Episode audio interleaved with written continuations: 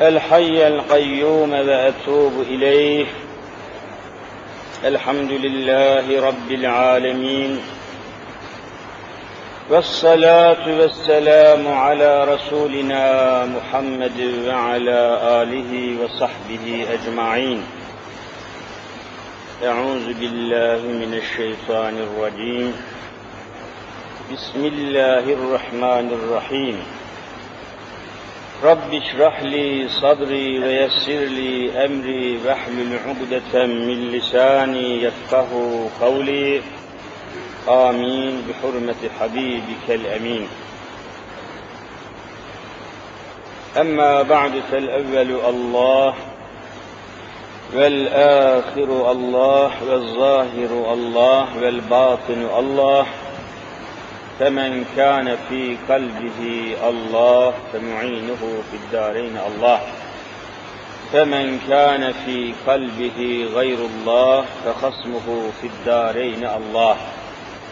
لا إله إلا الله هو الحق الملك المبين محمد رسول الله صادق الوعد الأمين.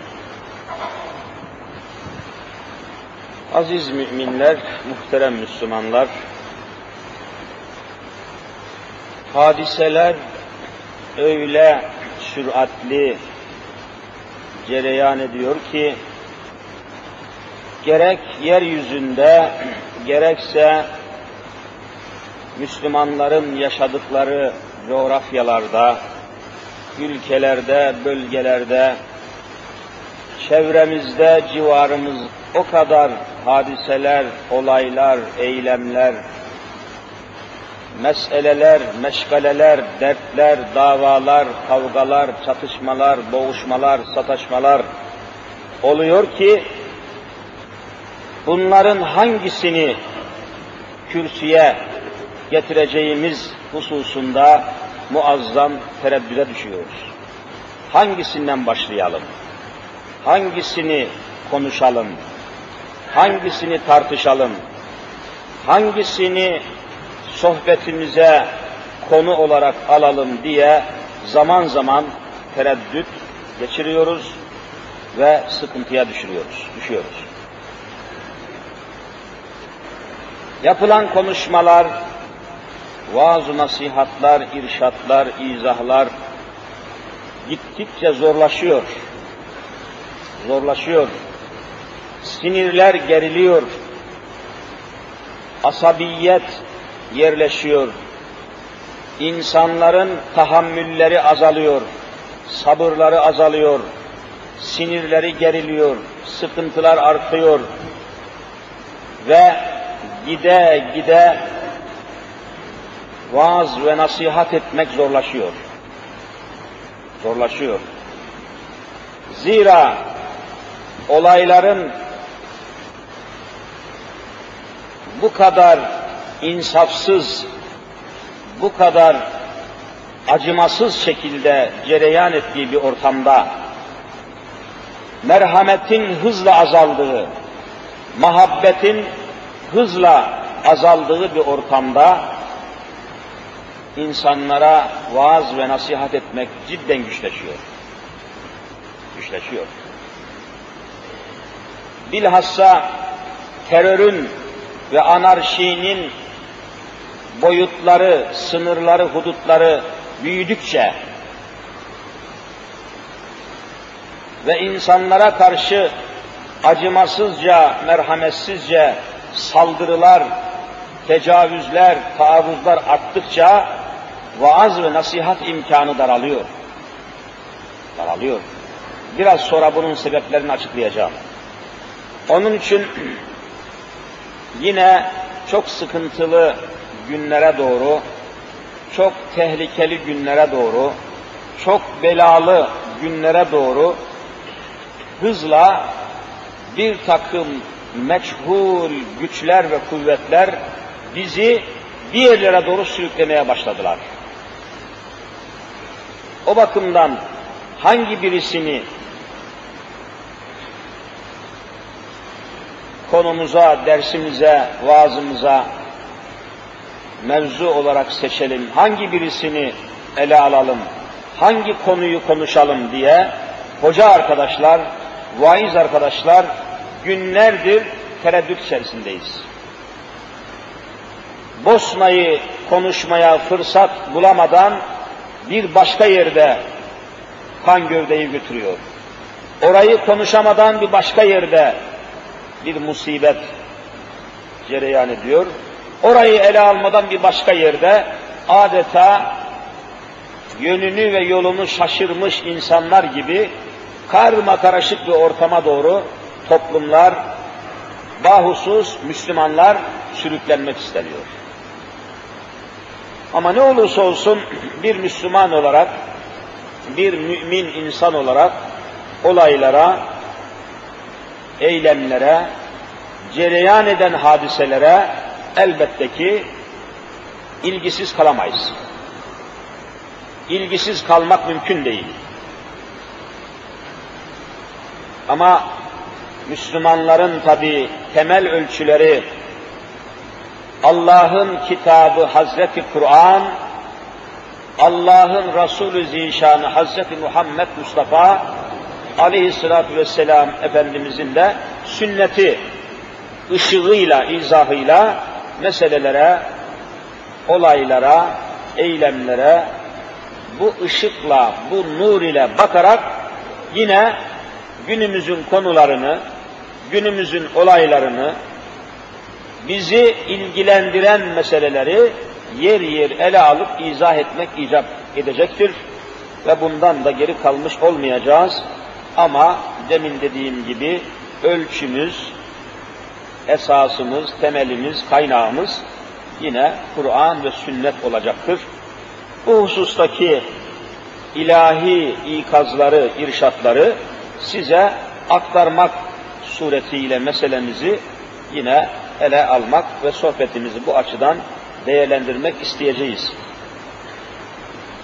Şimdi önümde açık bulunan Kur'an-ı Mübin'in Sure-i Enfal dediğimiz Enfal suresinin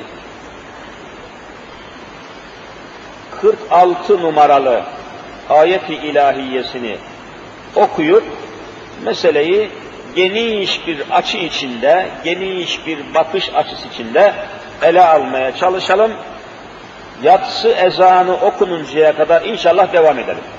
Allahu Teala sabrınızdan, samimiyetinizden, sadakatinizden, uzaktan yakından gelip burada yapmış olduğunuz içtimadan, toplanmadan Rabbi Rahim-i Zülcelal razı olsun. Hak Teala cennetini, rahmetini, rızasını hepinize ikram eylesin inşallah.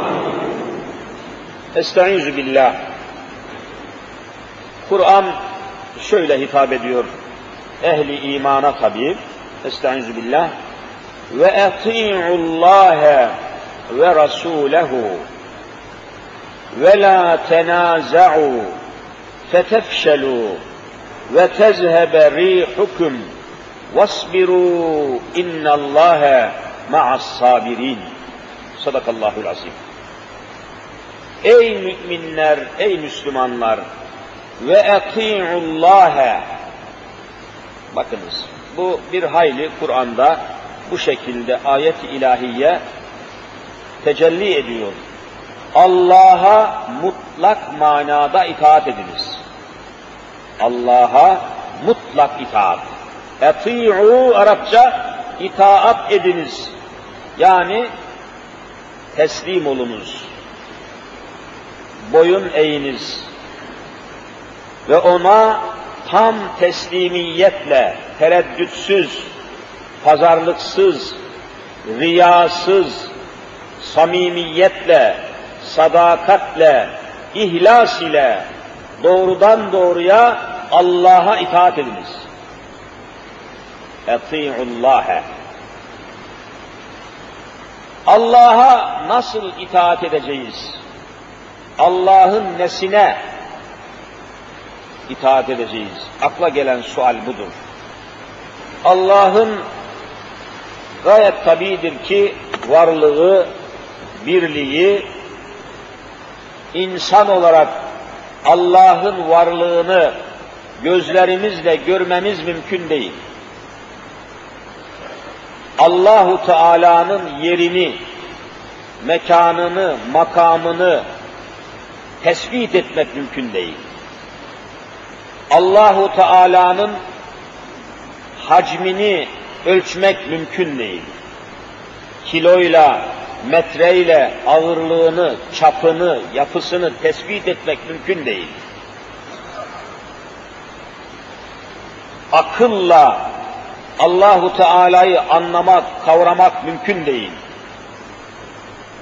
E peki anlamadığımız, kavrayamayacağımız, gözlerimizle göremeyeceğimiz, elimizle tutamayacağımız bir varlığa nasıl itaat edeceğiz? İtaatimiz nasıl olacak? İşte bu sualin bir tek cevabı var. Bir tek cevabı var. O da Allahu Teala'ya itaat etmenin şekli, tarzı, tavrı, kaynağı itibariyle Allah'a itaat edin demek, Allah'ın kitabına, Allah'ın insanlara gönderdiği kitaba, yani Kur'an-ı Kerim'e uygun hareket ediniz demektir. Çünkü Allah'tan bizim elimizde kalan tek şey nedir? Siz söyleyin. Kur'an'dır. Allah'tan, Allahu Azimüşşan'dan elimizde olan, gözlerimizle görebildiğimiz, aklımızla anlamaya çalıştığımız, ilmimizle anlamaya çalıştığımız, ellerimizle tuttuğumuz, evimizde, elimizde, önümüzde bulunan, bizim ona, onun bize muhatap olduğu, her an elimizde olan ve Allah'tan olduğuna asla tereddüt bulunmayan tek kaynak Kur'an-ı Kerim'dir ki Allah'a itaat ediniz demek, Allah'ın kitabına itaat ediniz demek. Acaba burası anlaşıldı mı?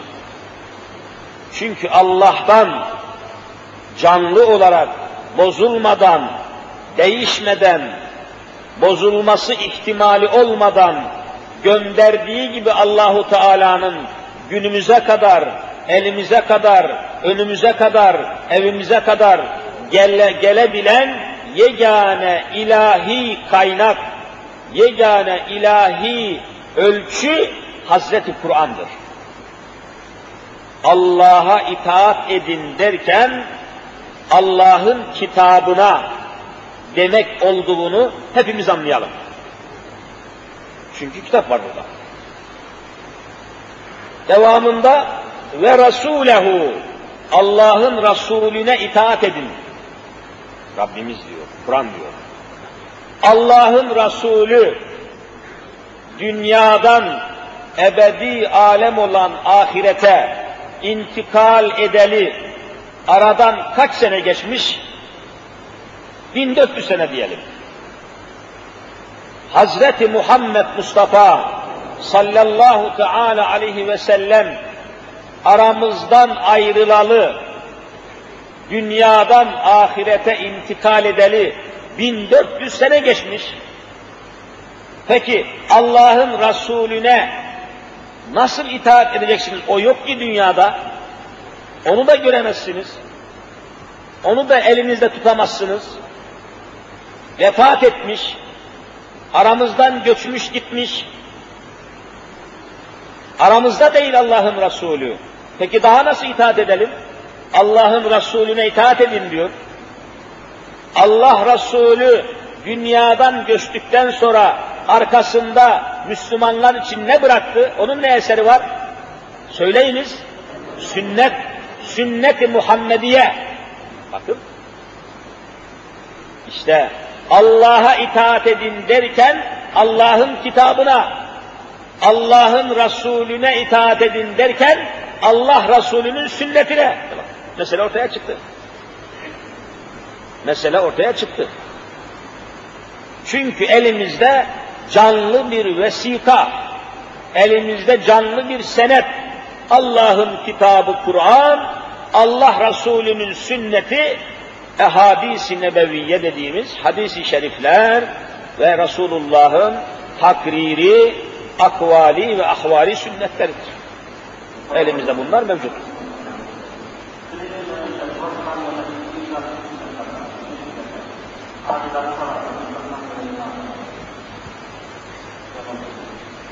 Evet. Böylece kaynakları ifade ettikten sonra onlara itaat etmemizin icabı, lüzumu, zarureti beyan edildikten sonra arkasından şu hüküm geliyor. Ve la tenaza'u ve la bakınız nehy ediyor. Lam elif var burada. Ve la hayır. Olmasın yapmayın etmeyin. Ve la tenaza'u münakaşa etmeyin. Çekişmeyin. Bakınız çekişme. Boğuşma kapışma çatışma. Bu kelimeler çok geçiyor Kur'an ve la tenaza'u diyor. Çekişmeyiniz. Çatışmayınız. Kapışmayınız. Boğuşmayınız. Olumsuz şekilde tartışmayınız. Yani çekişmenin, tartışmanın, boğuşmanın sebebi nefsiniz, keyfiniz, zevkiniz, kendi aklınız, kendi fikriniz olmasın. Çatışmanın temelinde, tartışmanın temelinde eğer nefis olursa, kin olursa, şehvet olursa, nefsin arzuları olursa e o zaman hakkı bulamazsınız.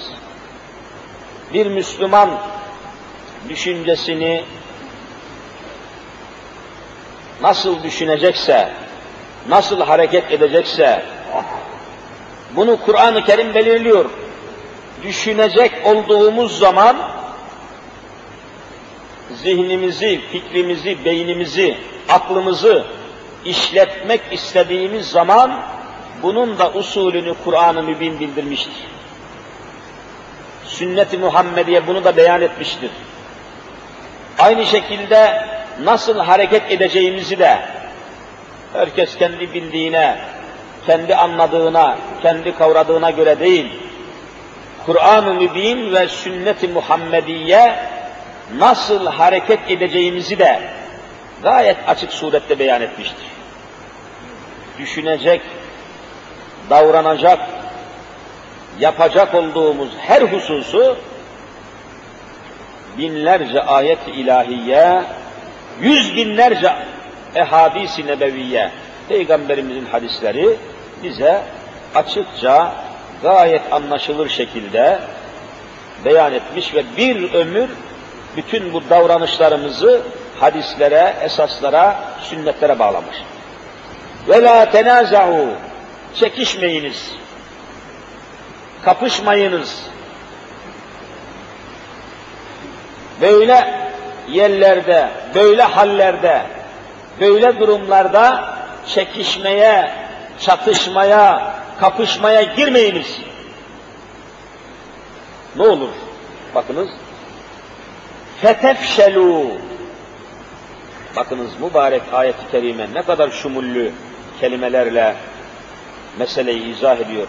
Fetefşelu korkaklaşırsınız. Zaafa düşersiniz. İçinize bir korku, bir dehşet, bir zaaf, bir sarsıntı aranıza girer. Korkuya düşersiniz, yanılgıya düşersiniz, heybetiniz azalır, gücünüz azalır, ve tezhebe rihüküm kuvvetiniz yok olur, birliğiniz yok olur, azametiniz, büyüklüğünüz elinizden alınır. Kafirlerin gözünde büyük ve azametli görünürken küçülürsünüz. O kadar geniş manalar var ki şu her kelime sayfalarca izah edilmeye müsait manalar taşıyor. Ve tezhebe rihüküm yani ruhunuz, kıvamınız, gücünüz, varlığınız, hikmetiniz, mananız, hükmünüz kalkar. Ve artık siz bir mana ifade etmezsiniz. Varlığınızın, çoğunluğunuzun, mümin olmanızın, Müslüman olmanızın bir manası kalmaz, tesiri kalmaz, hükmü kalmaz, etkisi kalmaz, yetkiniz olmaz. Yeryüzünde ağırlığınız kalmaz. Ne kadar manalı. Vesbiru sabrediniz. Sabır dediğimiz Allahu Teala'dan gelen hadiseler karşısında nefsinize ağır gelen, nefsinizin arzularına aykırı, ağır, zor gelen hususlarda sabrediniz, nefsinizi tutunuz. Nefsin arzularını frenleyiniz. Sabır diyor. İnne Allahe ma'as sabirin.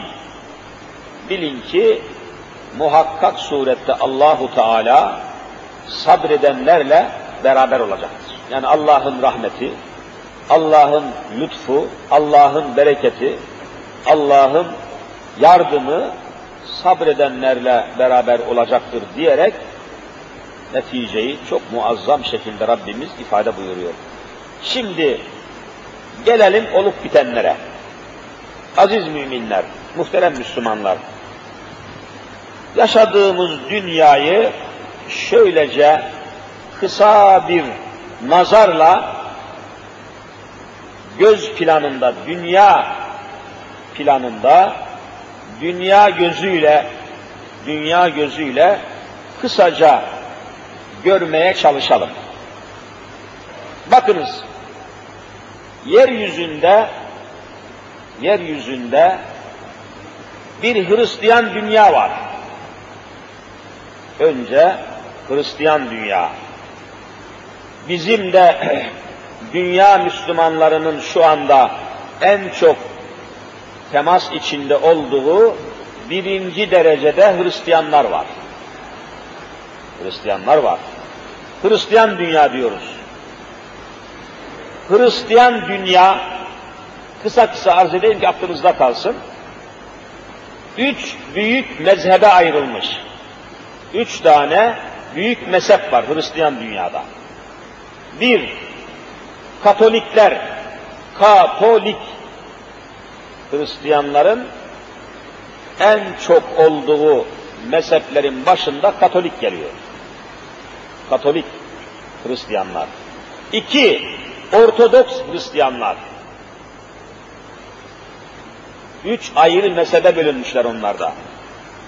Katolik Hristiyanlar, Ortodoks Hristiyanlar, bir de Protestanlar. Protestan Hristiyanlar.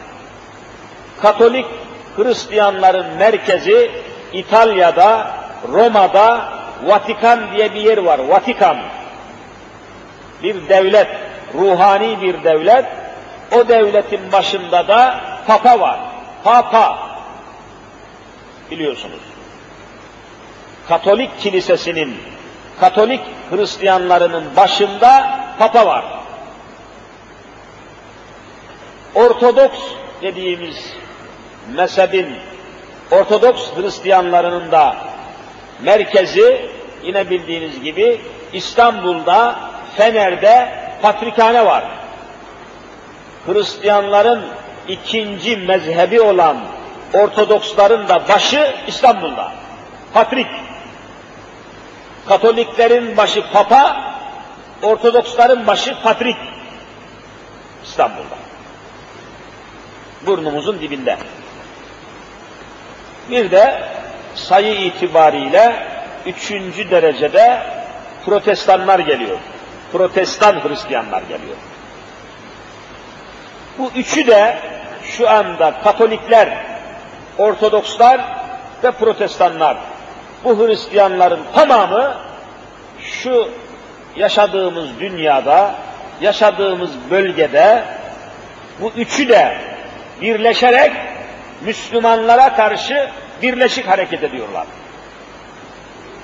Ve Hristiyan dünya bugünkü tavrıyla, tutumuyla, örgütleriyle, kurumlarıyla, kavramlarıyla Hristiyanların tamamı dünya Müslümanlarından rahatsızlık içindeler. Müslümanlardan rahatsızdırlar. İslam'dan rahatsızdırlar. Canları sıkılıyor. İslam'a karşı rahatsızlık duyuyorlar. Niçin mi? Neden mi? İzah edeyim. Bakınız Allahu Teala Hristiyanlara bir bela verdi. Bir bela. Araştırırsanız göreceksiniz. Hristiyanlara Allahu Teala bir bela verdi. Nedir o? O da şu. Hristiyanlar biliyorsunuz Allah'ın gönderdiği, Allah'ın indirdiği İncil kitabından saptılar. Allah'ın gönderdiği Hazreti İsa namındaki peygamberden ne yaptılar? Saptılar. Sapınca sapıklığa düştüler. Sapıklığa düştüler. Ve zaman geldi ki, zaman geldi ki ilahi ölçüler kaldırıldı, yerine nefsani ölçüler geldi. Mesela Hristiyanlara göre evliliğin gayesi nedir? Hristiyanlara göre bugün bütün mezhepleriyle beraber Hristiyanlar kadınların erkeklerle, erkeklerin de kadınlarla evlenmesinden, nikahlanmasından anladıkları mana tamamen değişti. Onlar evliliği, kadın ile erkek arasındaki ilişkiyi tamamen şehveti tatmin olarak anlıyorlar. Nefsin arzusunu tatmin etmek, lezzetlenmek, şehevi arzularını tatmin etmek. Evlenmekten gaye budur diyorlar.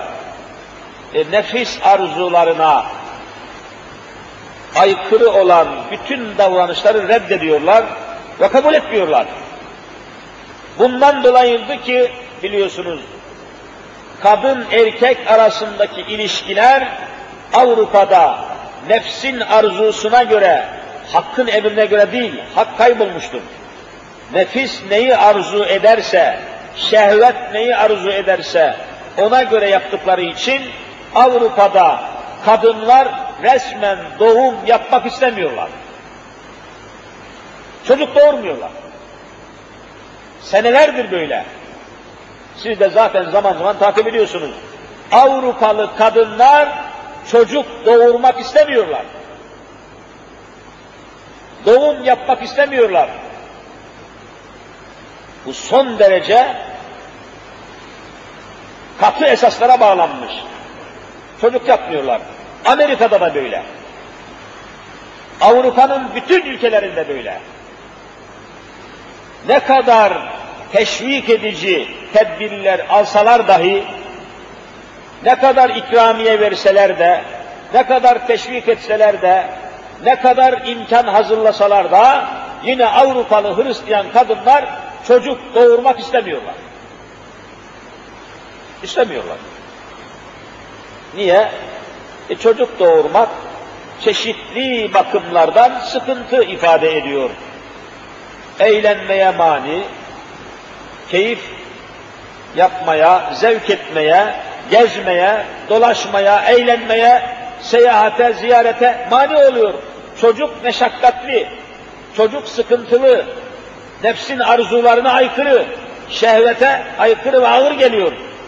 Çeşitli sebeplerden dolayı Allahu Teala Hristiyanlara bu belayı verdi ve çocuk yapmıyorlar. Çocuk doğurmuyorlar. Orada evlenmekten gaye nesil değil, zürriyet değil, nefsi tatmin, şehveti tatmin. Böyle olunca Avrupa'da nüfus, Hristiyan dünya diyelim, Hristiyan dünyada nüfus azalıyor. Artmıyor, çoğalmıyor, büyümüyor, üremiyor. Nüfus azalıyor. Bu da yetmiyormuş gibi yeryüzünde Hristiyan dünyanın dışındaki insanlar Hristiyan olmuyor. 50 senedir Afrika'da papazlar çalışıyor, patrikler çalışıyor, misyonerler çalışıyor. Afrika'daki o siyah insanları, zencileri Hristiyan yapamamışlar. E tam 50 senedir. 50 yıldır bütün imkanlarıyla çalışıyorlar, çabalıyorlar, her türlü imkanı veriyorlar. O siyah insanlar, zenci insanlar Müslüman olmuyor. Hristiyan olmuyor. Hristiyanlığa çekemiyorlar. Kiliseye çekemiyorlar. Papalığa çekemiyorlar. Ve daha diğer dünyanın başka bölgelerinde Hristiyan olan insan yok. Yani Hristiyanlığı kabul etmek hususunda da muazzam bir donukluk var. Hristiyan olanların sayısı dışarıdan gelip de Hristiyan olanların adedi sayısı yok gibi. Bir de kendi aralarında doğum yapmıyorlar. Nüfus çoğalmıyor, çocuk yapmıyorlar. Dolayısıyla dünyada Hristiyanların nüfusu hızla azalıyor. Hızla azalıyor. Buna mukabil yeryüzünde bunca perişanlığa rağmen, bunca imkansızlığa rağmen Müslümanların nüfusu artıyor tam tersine. Müslümanların nüfusu artıyor. İki şekilde artıyor dünya Müslümanların nüfusu. Bir kere Müslüman kadınlar dünyanın neresinde olursa olsun doğum yapıyorlar. Çocuk doğuruyorlar. Yeryüzündeki Müslüman ülkelerde Müslüman halk, Müslüman millet, Müslüman ahali çocuk yapıyor. Muazzam derecede doğum yoluyla artış var. Bunun yanında bir de Müslüman olmayan insanlar, Hristiyanlar, Hindular, uzak doğuda, uzak Asya'da bir takım insanlar hızla Müslüman oluyorlar. İngiltere'de Müslüman olanlar hızla artıyor, Almanya'da Müslüman olanlar artıyor, Hollanda'da Müslüman olanlar artıyor. Hulasa Hristiyan dünyanın en mühim adamları Müslüman oluyor. Düşünün Kaptan Kusto gibi denizleri, denizleri dünyada en iyi bilen, hidroloji diyoruz, suların ilmini, denizlerin ilmini yeryüzünde en muazzam bilen Kaptan Kusto gibi bir adam resmen Müslüman oluyor. Aynı zamanda Avrupa'nın felsefesini, fikri hayatını temsil eden Garobi gibi en büyük filozoflar Müslüman oluyor. İngiltere'de Avrupa'nın, Amerika'nın, Batı dünyasının peşinden sürüklendiği şarkıcı, pop şarkıcısı, milyonlarca insanın alkışladığı, hatta örnek kabul ettiği Cat Stevens gibi pop şarkıcısı insanlar Müslüman oluyor, Yusuf İslam ismini alıyor. Yani en büyük sanatkarları İslam oluyor. En büyük denizcileri Müslüman oluyor. En büyük filozofları Müslüman oluyor. Hristiyanlar hızla İslamlaşıyor. Böyle olunca Müslümanların nüfusu artıyor. Hem Müslüman kadınların çocuk doğurmasıyla Müslümanların sayısı artıyor, hem de dışarıdan Hristiyanlıktan çıkıp Müslüman olanların sayısı artıyor. E şimdi bu gidiş, bu ilerleme, bu inkişaf Hristiyanları rahatsız eder mi etmez mi ne dersiniz? Eder rahatsız. Elbet rahatsız eder. Kiliseyi rahatsız ediyor. Papayı rahatsız ediyor, patriği rahatsız ediyor. Hristiyan dünya çok rahatsız bu yüzden. Çok rahatsız. Rahatsızlık duyuyorlar. Allahu Teala Hristiyanlara iki bela daha verdi. Dünya Hristiyanlarının iki belası daha var başlarında. İki bela, onu da arz edeyim. Bunlardan birincisi uyuşturucu. Uyuşturucu, eroin. Eroin dediğimiz, efendim kokain dediğimiz neyse o beyaz tozuyla, o zehiriyle bugün Amerika ve Avrupa korkunç durumlara düşmüş, uyuşturucuya resmen müptela olmuş. Bu da Allah'tan bir beladır. Allah'tan bir beladır. Elimizdeki resmi araştırmalara göre Amerikan halkının Amerika'da 100 Amerikalının 70'i düşünebiliyor musunuz? Yüzde 70 100 Amerikalının 70'i uyuşturucuya resmen müptela olmuş, yakalanmış. Yemin ediyorlar ki ilkokula kadar kokain denen uyuşturucu yerleşmeye başlamış. İlkokullara kadar. 2000 yılına kadar diyorlar Amerika'da askere alınacak adam kalmayacak. Elhamdülillah. Kalmayacak. Amerikan senatosu en büyük yatırımı, bütçeden en büyük payı uyuşturucuyla mücadeleye para ayırıyor. Yine başa çıkamıyor. Bu hale gelmiştir. İnsan unsuru yok oluyor. Bir diğer bela cinsel özgürlük. Yani isteyen erkek istediği şekilde şehvetini, nefsinin arzusunu tatmin etme imkanı buluyor ve dolayısıyla kadından artık kimse zevk almıyor. Kadından artık iyice nefret başlamış.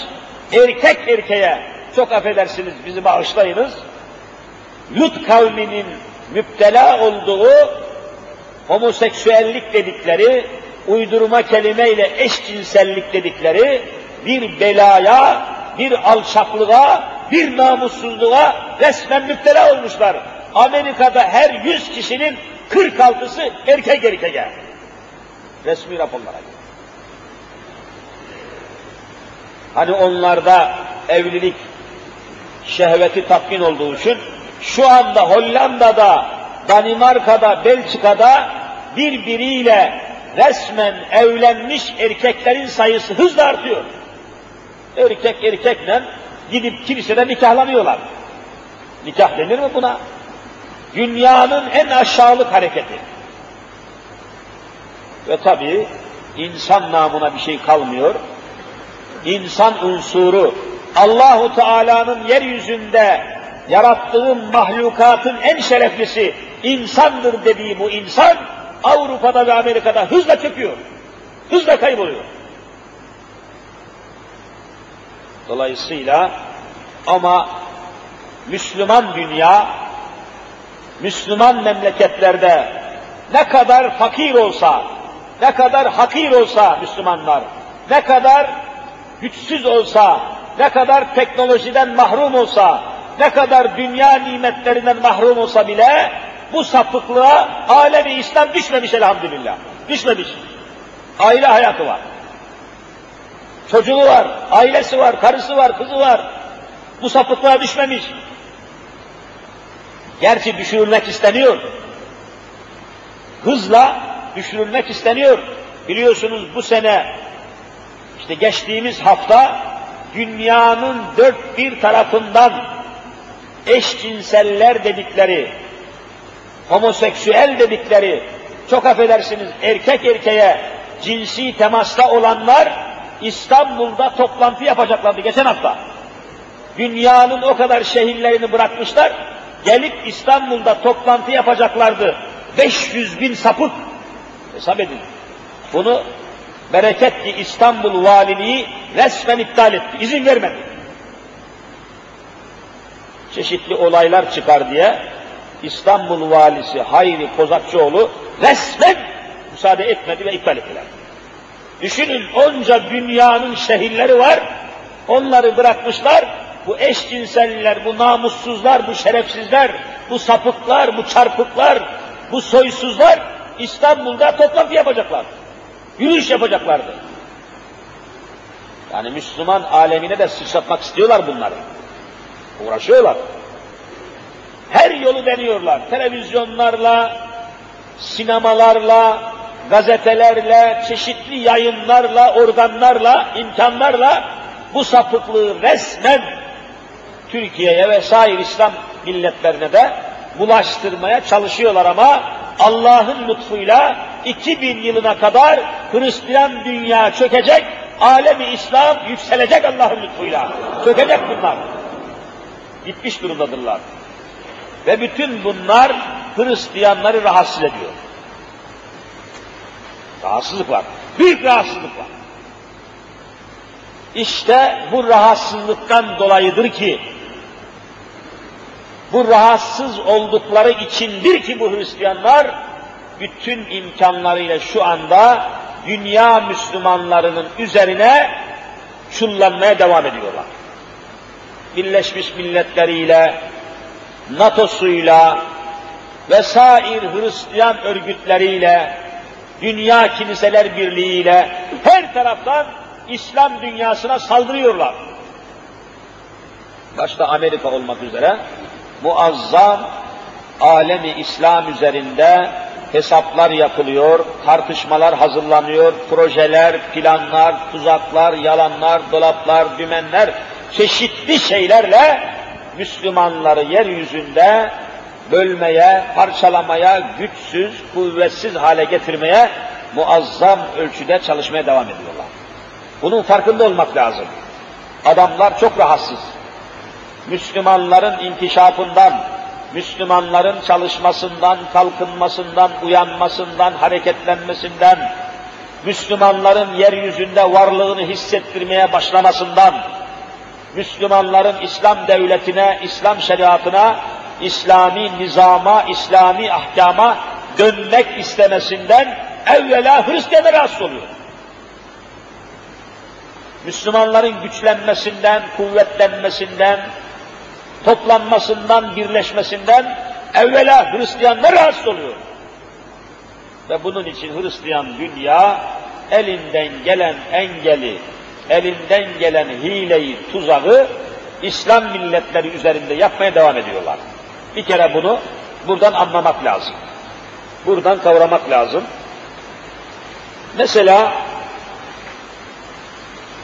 şu anda dünyada mesela dikkatinizi sizin de dikkatinizi çekmiştir şüphesiz.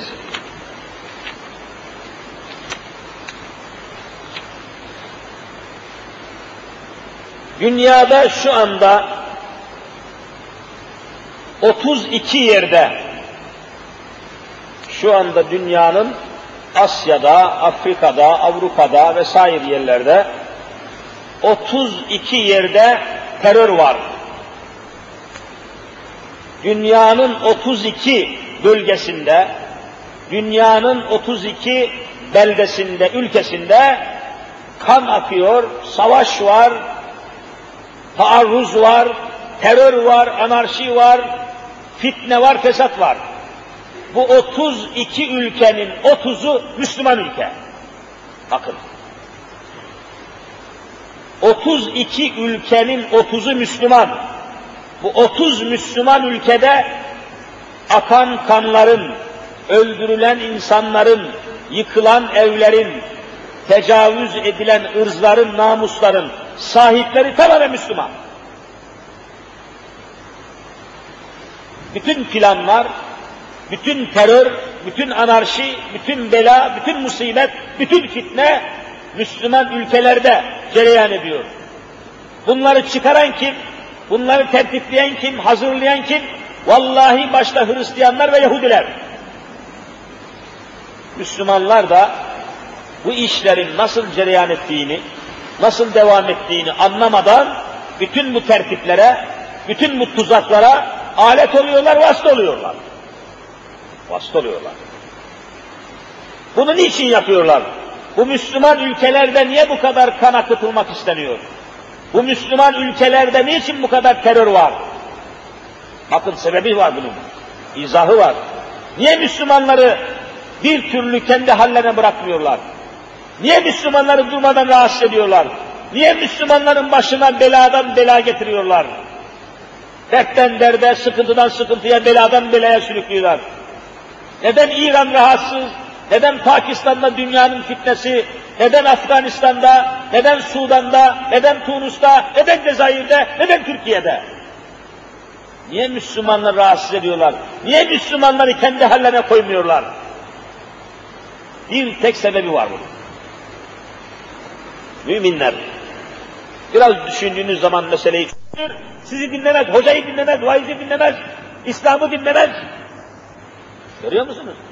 İslam'ın anlatılması, anlaşılması, tebliğatın yapılması için terör ortamı bunu engelliyor. İslam aleminin terörün altında tutulmasının, türlü sıkıntılara maruz bırakılmasının, İslam aleminin başına beladan belaları getirmelerin sebebi aman İslam'ı anlatamasınlar, yayılmasın, duyulmasın, çoğalmasın, İslam'ın tebliğatına imkan bulamasınlar diye. Bakın nereye sapladılar. Ve Müslümanlar kendi derdiyle uğraşsınlar da başkalarına İslam'ı anlatma imkan bulamasınlar. Görüyor musunuz? Yine aynı noktaya dayandı. Ehli küfrün fitnesi başta bu. Allah'ın dini yayılmasın, Allah'ın dini duyulmasın, intişaf etmesin, intişar etmesin, gelişmesin, çoğalmasın, yayılmasın. Çünkü biliyorsunuz Hazreti Muhammed Mustafa sallallahu teala aleyhi ve sellem Efendimiz Mekke'de çok büyük sıkıntılarla karşı karşıya geldi. 13 sene Mekke devrinde İslam çok az gelişti. Sonunda malumunuz olduğu üzere Medine'ye hicret buyurdular. Ondan sonra da Mekkeli müşriklerle bir sulh anlaşması yaptılar. Hepiniz biliyorsunuz. Mekkeli müşriklerle Peygamberimiz Efendimiz Hazreti Muhammed Mustafa sallallahu aleyhi ve sellem arasında ilk yapılan barış anlaşmasının adı neydi? İçinizden biri söylesin. Barış anlaşması. Allah razı olsun. Hudeybiye musalahası. Hudeybiye barış anlaşması. Hudeybiye sulh anlaşması, sulh anlaşması. Bu anlaşmanın birinci maddesi hepiniz biliyorsunuz. Birinci maddesi neydi?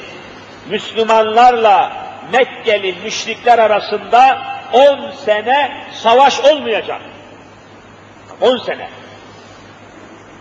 Savaş yok. Kapışma yok, çatışma yok, boğuşma yok.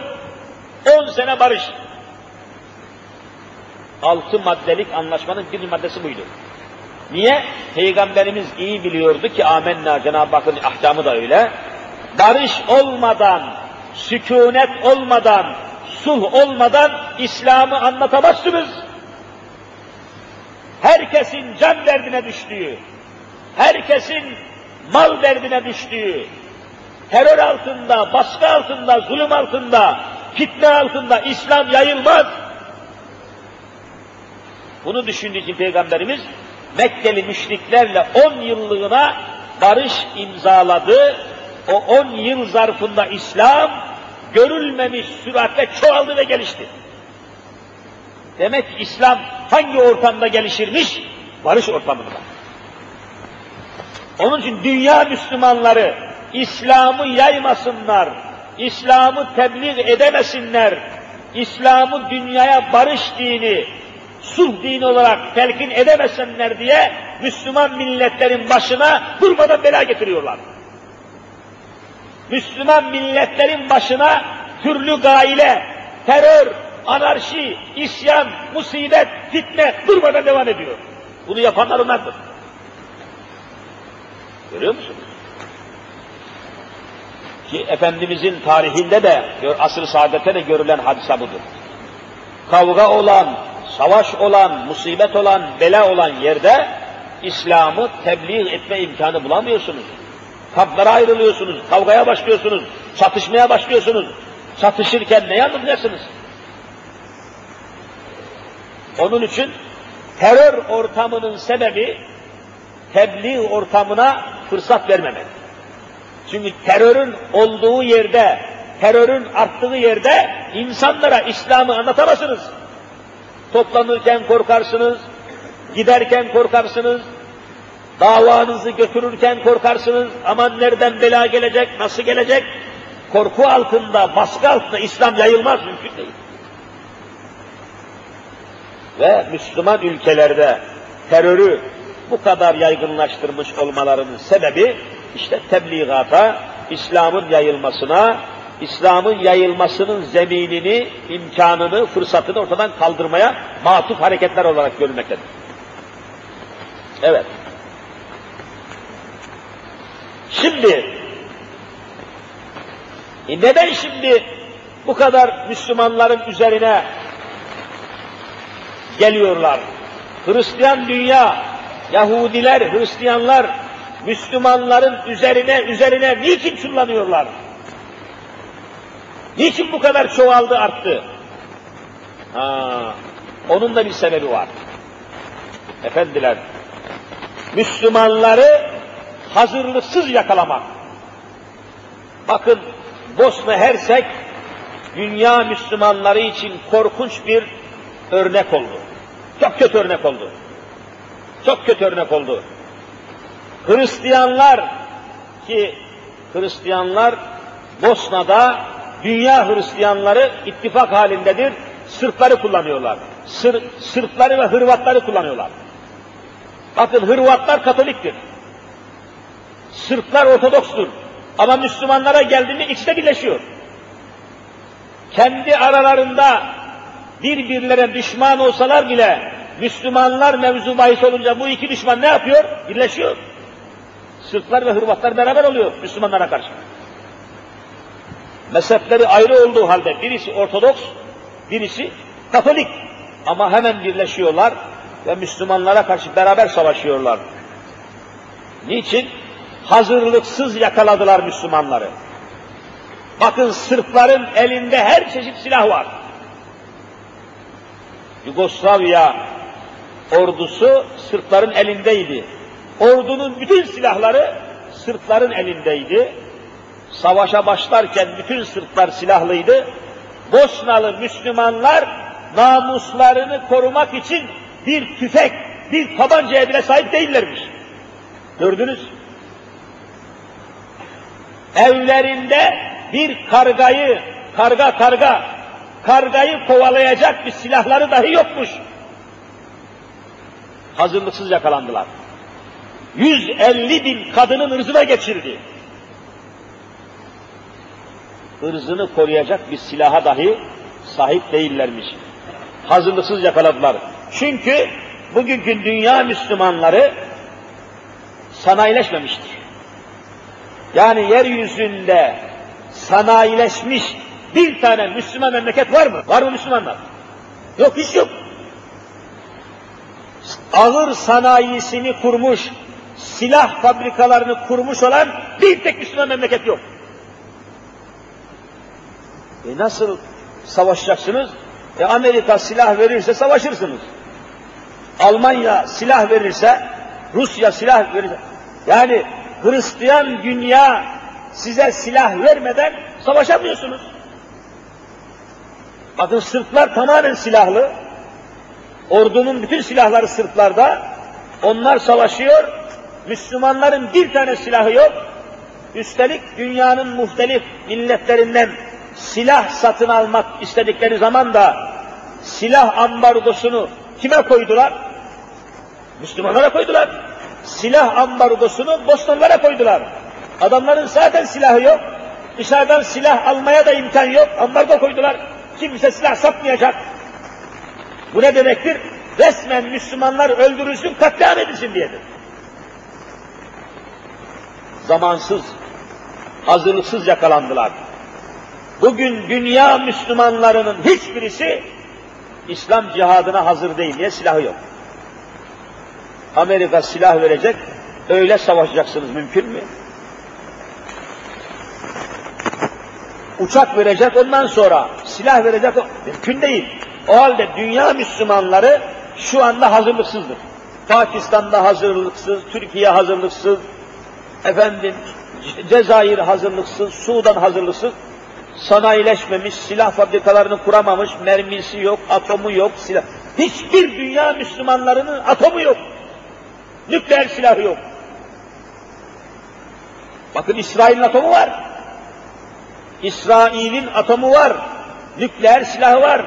Hindistan'ın, bak Hinduların, Hindi, o ineklere tapan Hinduların atomu var, atom bombası var. Nükleer silahları var. Ama Pakistan'ın yok.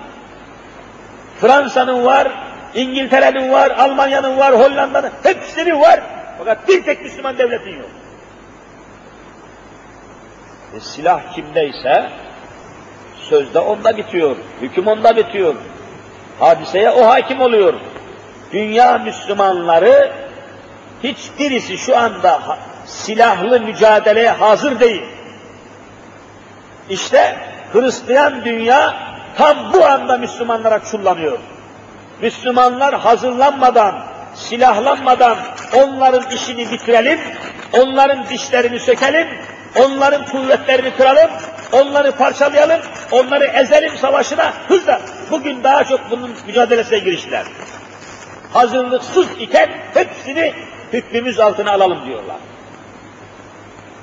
Hazırlıksız. Ali İzzet Begoviç, zavallı adam, hazırlıksız yakalandı. Yüz binlerce insanın ölümüne sebep oldu. Halbuki Kur'an-ı Kerim'i açıyoruz diyor ki, bakınız, ve e'iddu lehum mesteta'tum min kuvve. Ey Müslümanlar, düşmanlarınız için kuvvet hazırlayın. Ve e'iddu, Arapça hazırlayın demek. E'iddu, hazırlayın. Hazırlık yapmadan, hazırlık yapmadan çıkmayın. Hazırlık yapmadan hareket etmeyin. Ortaya çıkmayın. Başınızı kaldırmayın. Sokağa dökülmeyin. Meydana inmeyin. Kuvvet mücadelesine başlamayın. Bunu Allah söylüyor. Ve e'iddu bu ayete mana vermek lazım. Lehüm düşmanlara mesfeta'tum gücünüz yettiği kadar el kuvve kuvvet hazırlayın. Hani kuvvetiniz? Hani Müslümanların kuvveti? Hani Müslümanların silahı? Hani Müslümanların harp sanayi? Hani Müslümanların uçakları? Amerika'dan helikopter almadan PKK ile Güneydoğu'da hükümet kuvvetleri savaşmaya gidemiyordu. Kobra helikopterleri kim verdi siz söyleyin. Kobra helikopterleri. Amerika verdi. Senin yok. Helikopter fabrikan yok, uçak fabrikan yok, silah fabrikan yok. Görüyor musunuz? Hristiyan dünya Müslümanları fena yakaladı. Hazırlıksız yakaladı. Kötü yakaladı, fena yakaladı. İşte bu haldeyken tepesine çullanalım, Müslümanları iyiden iyi hırpalayalım diye bugünlerde bütün dünya Müslümanlarına saldırı var. Her tarafta, her bölgede. Görüyorsunuz zaten. Yani zayıf noktamızı yakaladılar bizim. Evet. Şimdi bunu yaparken de Müslüman memleketlerde terörü, anarşiyi, fitneyi, fesadı çıkartırken kendi elemanlarını kullanmıyorlar. Dışarıdan mesela Fransızlar, İngilizler, İngiliz olarak, Fransız olarak, Amerika olarak gelmiyorlar. İçeriden elemanlar buluyorlar. İçeriden ajanlar, elemanlar, vasıtalar buluyorlar. Zayıf noktaları yakalıyorlar. Taktik ile hareket ediyorlar. Ve dolayısıyla Müslümanların zayıf oldukları noktaları fena yakalıyorlar. Bakınız mesela bu hususta en maharetli, en becerikli kafir devlet İngiltere'dir. İngiltere. İngiltere kadar alemi İslam'ı sömürmüş, İslam dünyasını fitneye, fesada, teröre boğmuş ikinci bir devlet yoktur. En başta İngilizler geliyor. İngilizlerden daha zalim, İngilizlerden daha kalleş, İngilizlerden daha casus, İngilizlerden daha namussuz bir millet yoktur. Müslümanlara karşı. Bütün tarih bunu gösteriyor. Bakınız mesela Hindistan'dan bir misal vereyim. Hindistan'da uzun yıllar İngiliz hakim olmuş. koca Hindistan kıtasını İngilizler idare etmişler. Valiler İngiliz, generaller İngiliz, subaylar İngiliz, halk Hindistan halkı. Ahali Hindistanlı, yönetici İngiliz. Genel valiler, İngiliz valiler idare etmiş. Ve orayı sömürmüşler. Oranın imkanlarını, oranın nimetlerini, oranın zinetlerini yıllarca İngilizler sömürmüş, yemiş, içmiş ve Hindistan'ı sömürge olarak kullanmışlar. Hindistan'da bu uzun yıllar bu sömürge anlayışını nasıl devam ettirmişler? Bir misal anlatayım, bakınız. Bir tek misal. Hindistan'da İngiliz idaresi devam ederken, şimdi de öyle, iki sınıf insan var Hindistan'da. İki türlü insan. Tabi çoğunluk itibariyle Hindular, Hint milleti, Hindular, azınlıkta olmak kaydıyla Müslümanlar var. Şimdi de Hindistan'da Müslümanlar var. O zaman da 50 yıl evvel, 60 yıl evvel de Hindistan'da Müslümanlar var. Demek ki Hindistan'da bir taraftan Hindular, bir taraftan da Müslümanlar asırlarca beraber yaşamışlar. Kavga yok, gürültü yok. Hindularla Müslümanlar. E bu Müslümanlarla Hinduların barış içinde yaşamaları, birlik içinde hareket etmeleri İngilizlerin hoşuna gitti. Hindistan'ı daha rahat sömürmek, daha rahat idare etmek için Hindularla Müslümanların arasını mutlaka açmaya çalışmışlar. Hindular Müslümanlarla, Müslümanlar Hindularla kavga etsin ki, onlar birbiriyle uğraşsın ki, biz onları daha iyi idare, daha kolay idare edelim demişler. Bakınız. Çünkü bu iki unsur orada savaşırsa, kavga ederse, birbirine düşerse bizim işimiz kolaylaşır demişler. Ve bir İngiliz casusu, İngiliz ajanı, casusu, imansız bir kafir İngiliz bir gün şu fitneye başvuruyor. Bakın Allah aşkına, fitne. Oradaki Müslümanlarla Hindular, Hinduları biliyorsunuz, Hinduların semavi bir dini yok. Yani Hindistan'da yaşayan Hindular Hristiyan değil, Yahudi de değil, nedir? Hindu dinine mensup.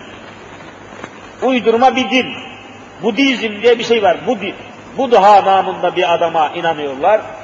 Onun Allah olduğuna inanıyorlar. Onun en büyük olduğuna inanıyorlar. Budist diyorlar. Budist. Tapınakları var. Kendilerine göre ayinleri var. Kendilerine göre hahamları var. Neyse. Din adamı diyorlar kendi aralarında. Böyle bir inançları var. İnançlarına göre şu anda Hindistan'da yaşayan bu Hinduların, Budistlerin inancına göre inekler, öküzler yani büyük baş hayvan dediğimiz sığır cinsi inekler onlara göre kutsal. İnekler kesilmez, inekler öldürülemez, etleri yenmez, alınmaz, satılmaz, vurulmaz, ineklere kimse dokunamaz. İnekleri kesmek yasak, inekleri yemek yasak, inekleri alıp satmak yasak, ineklere hakaret etmek yasak, mümkün değil. Adamlar böyle inanıyorlar. İnekler kutsal haşa. Dokunamazsınız, hakaret edemezsiniz ineklere, sığırlara.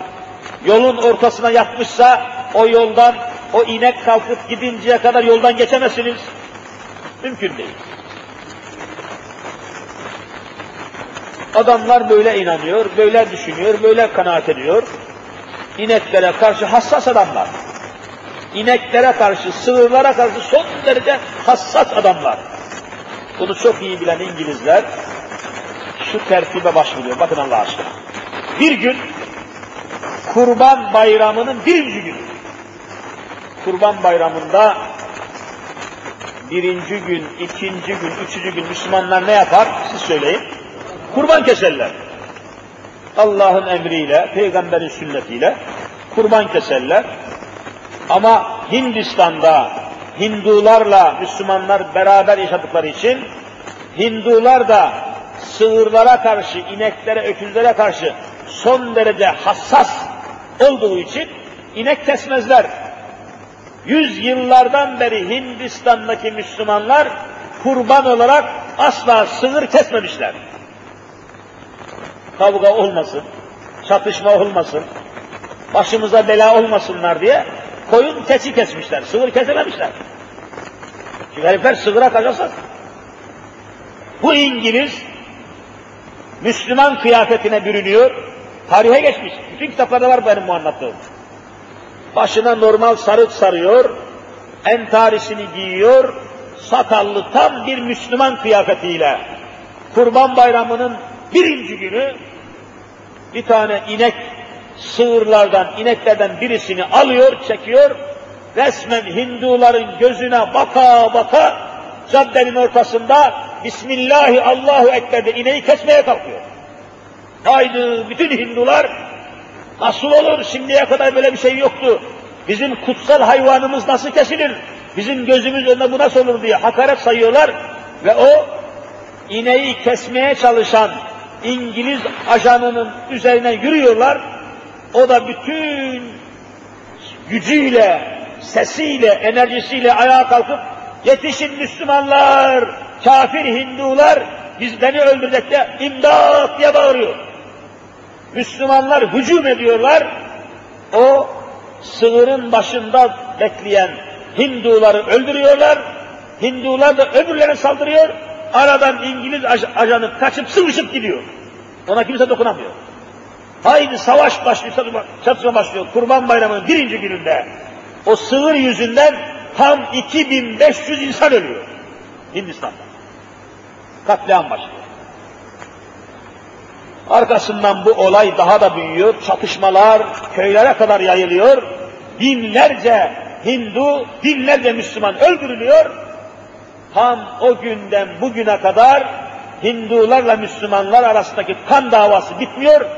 Bugünkü fitnenin, fesadın tamamı ve temeli o günden atılmış oluyor. Bunu yapan İngiliz.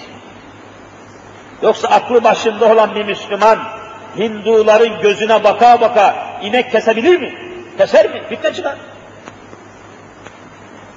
Aynı tertipler, aynı oyunlar böyle aynen Sivas'taki Sivas'taki katliamın evvelinde daha önce bu tertipleri yapanlar, bu işleri planlayanların arasında ve içinde vallahi yabancı parmağı var, billahi yabancı parmağı var. Yeminle söylüyorum. Yoksa hiçbir Müslümanın işi değil bu. Dışarıdan hemen tespiti mümkün değil bunların. Önceden planlanıyor, hesaplanıyor, ayarlanıyor, şekilleniyor, yazılıyor, çiziliyor, özel olarak sahneye konuyor. Hepsi planlı bunların. Bunlar İngiltere, Hindistan'da yapılmış, Arabistan'da yapılmış, her tarafta, Pakistan'da yapılmış, Cezayir'de yapılmış, her yerde yapılıyor. Şimdi Türkiye'de yapılıyor. Türkiye'de de bunlar oluyor. Dışarıdan mutlak surette müdahale var. Dış güçlerin, dışarıdan ajanların, dışarıdan Hristiyanların, dışarıdan Yahudilerin Allah'ı şahit tutuyorum parmağı var. Kendi kendine olmaz. Mümkün değil. Niye? Bugün yeryüzünde Müslümanlar yavaş yavaş uyanmaya başladı. Rusya'nın 70 yıllık sömürüsünden kurtulmaya çalışıyor Müslümanlar. Rusya'nın sömürge boyunduruğundan kurtulmaya çalışanlar yavaş yavaş bağımsızlığına, İslam birliğine, İslam topluluğuna kaynaşmak için çırpınış içindeler. Şimdi Amerika'nın da tasallutundan kurtarmaya çalışan, kurtulmaya çalışan Müslümana Somali gibi, Cezayir gibi, Sudan gibi, Tunus gibi, Pakistan gibi ülkeler Amerika'nın da sömürgesinden kurtulmak istiyorlar mı istemiyorlar mı? İstiyorlar. Bir uyanma var, bir dalgalanma var. Bütün bu dünya Müslümanları evvela yeryüzünde Müslüman Türklerden medet bekliyorlar mı beklemiyorlar mı? Bekliyorlar medet. Bak Asya Müslümanları bütün umutları Türkiye. Afrika'daki Müslümanlar kime, kimden umutlanıyorlar siz söyleyin. Vallahi Türkiye'de umutlanıyorlar. Arapların umudu burada. Afrika'nın umudu burada. Asya'nın vallahi umudu burada. Türkiye hala bir umut dünya Müslümanları için. Onun için bütün oyunlar, bütün tuzaklar, bütün tertipler dünyada şu anda en çok Türkiye üzerindedir. Boşuna değil bu işler ya.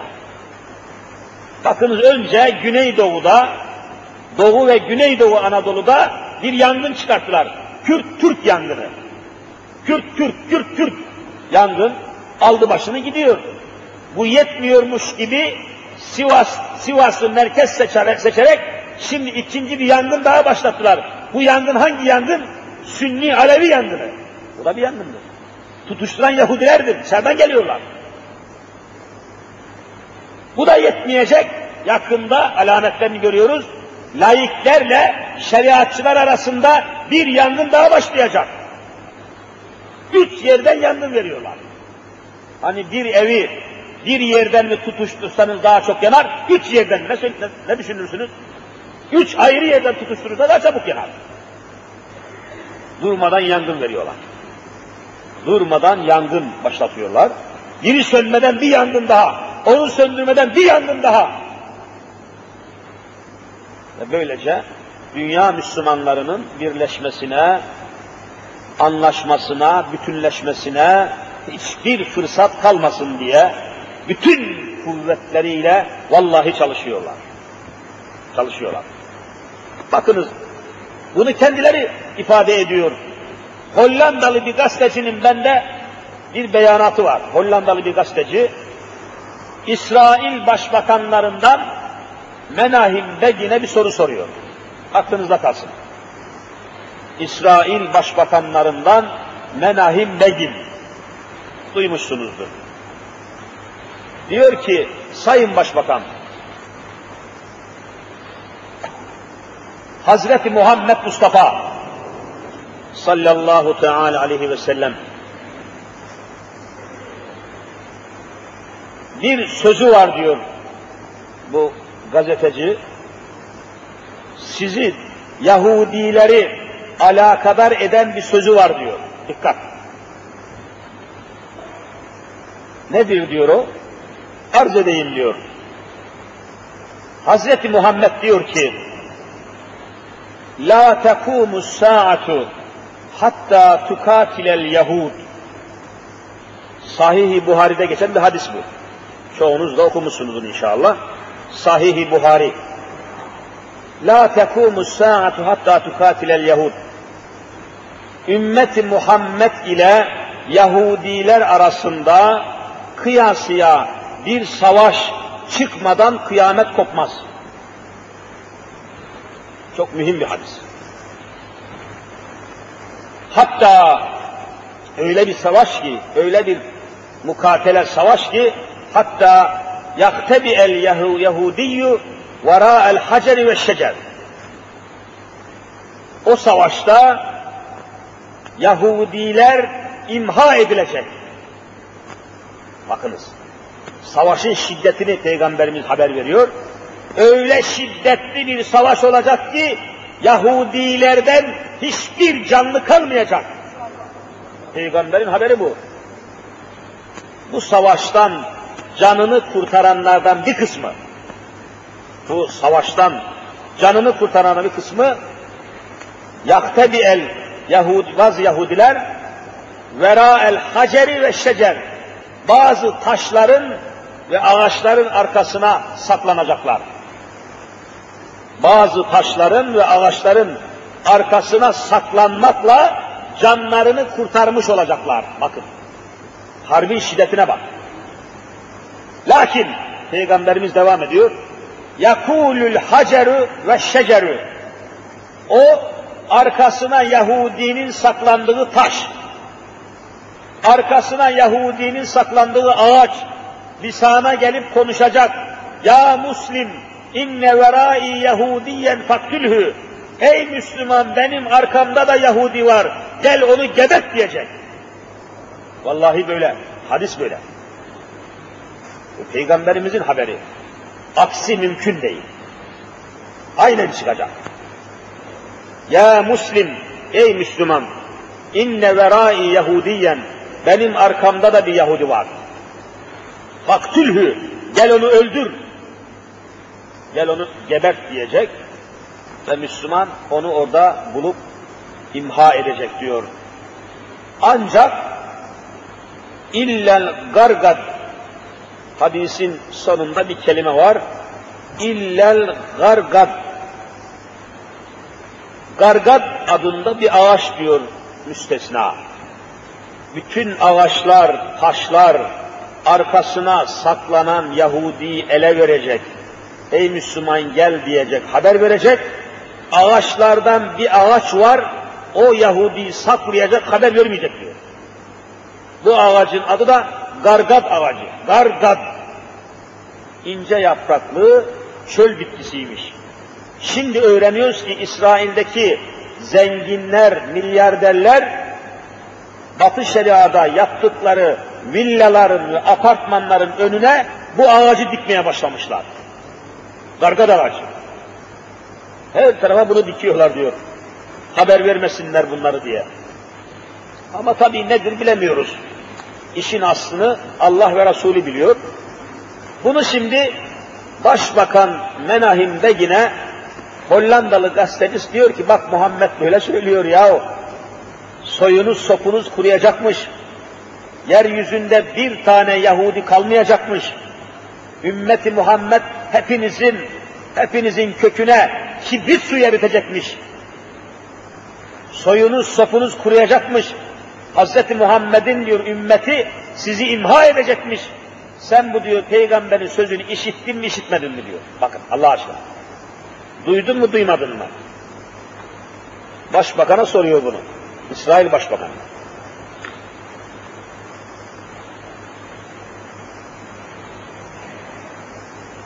Şimdi Menaim Begin diyor ki cevabında gazeteciye diyor. Evet diyor Muhammed'in bu sözünü diyor, bu sözünü bizim diyor ana okuluna, daha ilkokulda değil, ana okuluna giderken bize diyor ders vermeye gelen haham başı, hahamımız diyor, baş hahamımız altı yaşındayken Muhammed'in bu sözünü bize nakletti diyor. Altı yaşındayken. Senin diyor bana sorduğun bu sözü ben altı yaşında işittim diyor. Altı yaşında. Düşünün Allah aşkına. E peki diyor, endişeniz yok mu? Sakınmıyor musunuz, korkmuyor musunuz diyor. Muhammed'in bu sözünden bak ne söylüyor. Mahvolacaksınız diyor. Ve siz bu sözden, bu hadisten, bu beyandan rahatsız değil misiniz diyor gazeteci. Cevabı çok dehşet. Diyor ki, Muhammed'in haber verdiği Müslümanlar gelmesin diye, Muhammed'in diyor evsafını anlattığı, haber verdiği o Müslümanlar meydana gelmesin diye biz tedbirimizi almışız, tezgahlarımızı çalıştırıyoruz diyor. Merak etmeyin diyor. Yani Muhammed'in haber verdiği karakterde Müslüman olmayacaktır diyor. Fitnemizi, fesadımızı, tuzağımızı, terörümüzü, anarşimizi, her şeyimizi planlamışız. Alemi İslam'ın başına öyle belalar, öyle tefrikalar, öyle fitneler salmışız ki onlar başını kaldırıp bize bakamayacak diyor. Görüyor musunuz?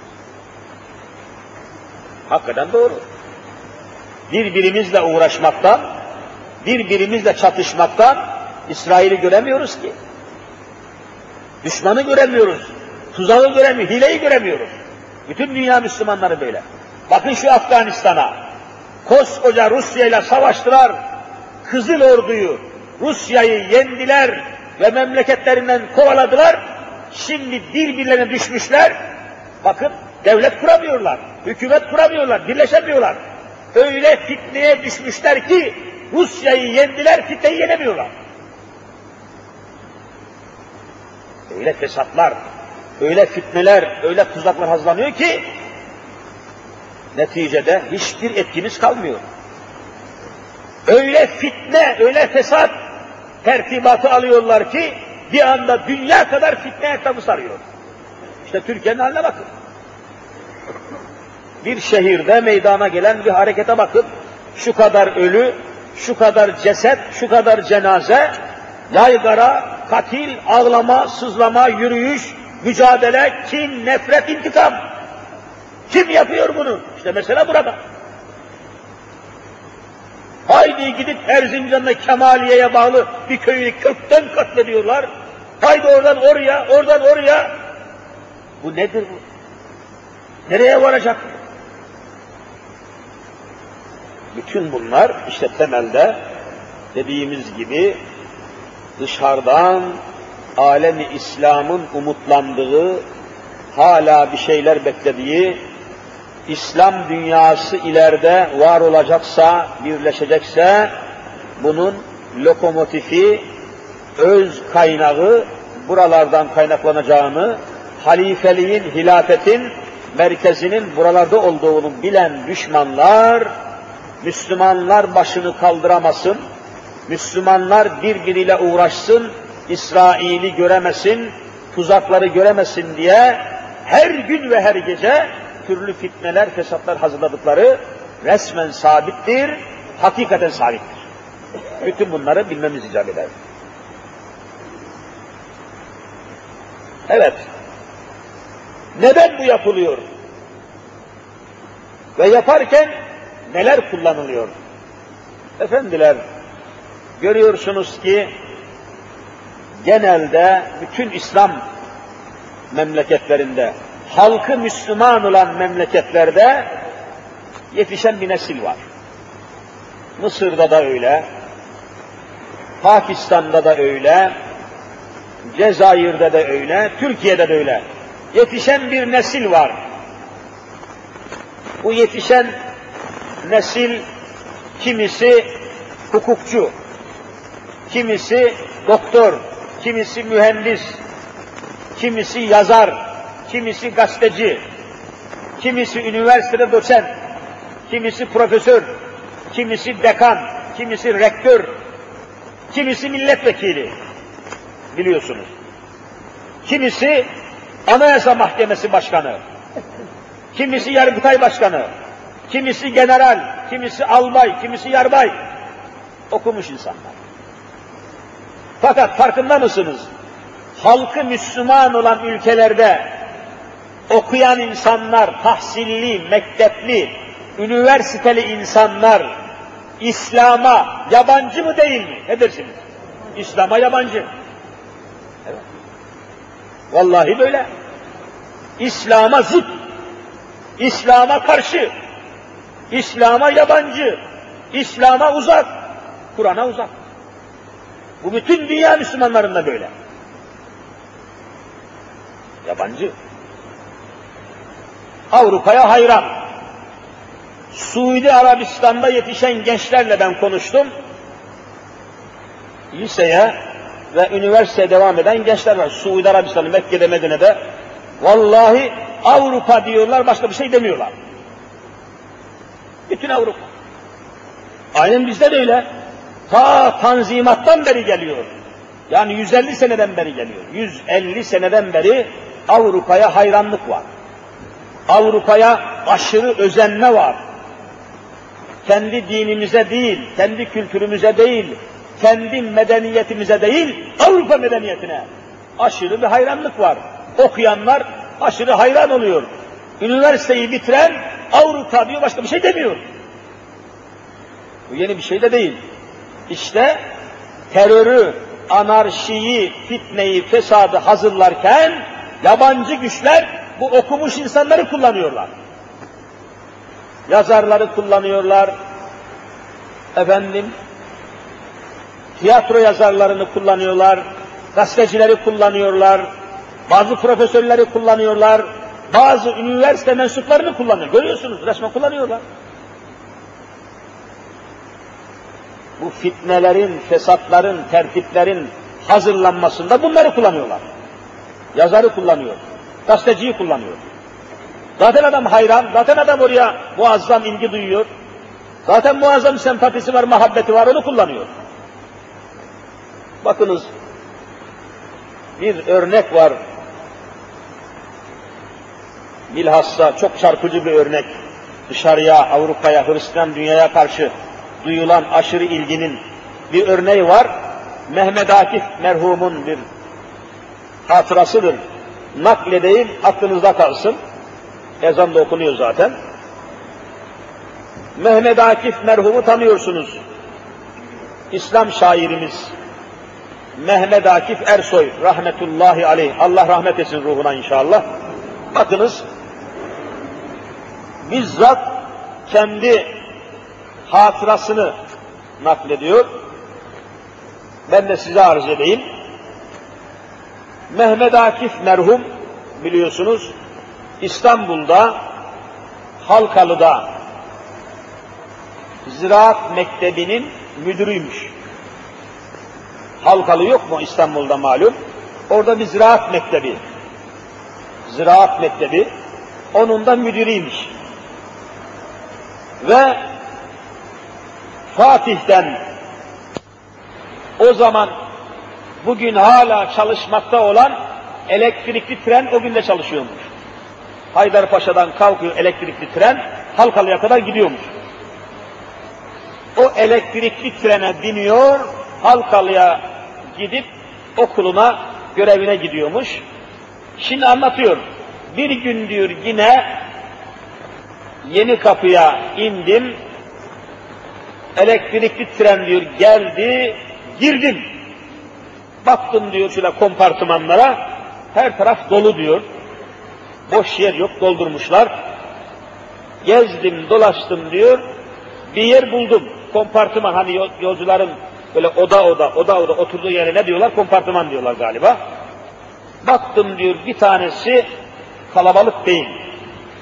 Pencereye yakın diyor, iki kişi oturmuş konuşuyorlar, gerisi boş. İçeriye diyor girmeye karar verdim. Sessizce içeriye girdim diyor.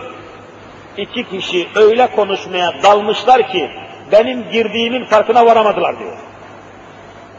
Kulak verdim diyor. Acaba ne konuşuyorlar bu kadar heyecanlı heyecanlı?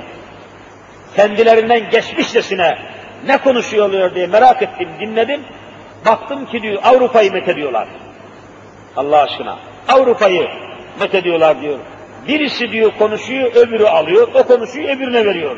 İşte Fransa şöyle, Londra böyle, Roma şehri şöyle, efendim anlatıyorlar diyor. Fransa'yı görmek, efendim Avrupa'yı görmek, Londra'yı görmek, Paris'i görmek, bütün diyor bunları, Brüksel'i görmek, Avrupa'yı anlatmakta bitiremiyorlar. Ve diyor soluksuz konuşuyorlar, hiç ara vermiyorlar. Nihayet diyor, iyice diyor sıkıldım, bunaldım. Bu konuşmalar beni sıktı diyor Mehmet Akif. Şunlar biraz konuşmayı kesseler de ben de birkaç kelime söylesem diye bekliyordum diyor. Fakat fırsat vermiyorlar diyor rahmetli. Ancak diyor konuşmaları yavaşladı.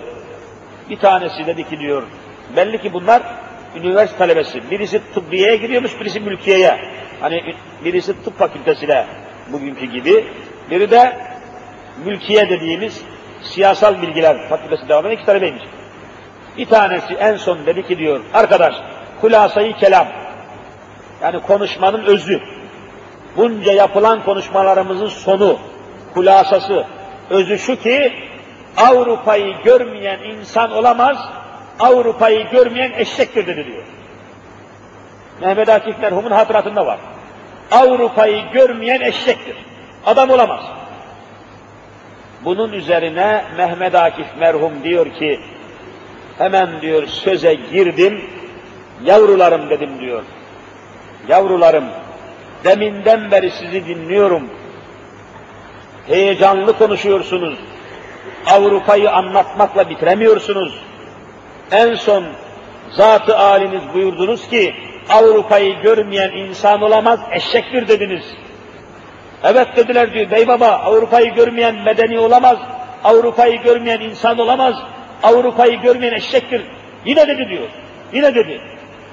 Peki yavrum dedim diyor, sizin babalarınız, sizin babalarınız var, pederleriniz var. Sizin muhterem babalarınız, muhterem pederleriniz Avrupa'yı görmüş müydü dedim diyor. Hayır babalarımız Avrupa'yı görmedi dediler diyor. Peki siz de Avrupa'ya gitmiş misiniz? Avrupa'yı görmüş müsünüz?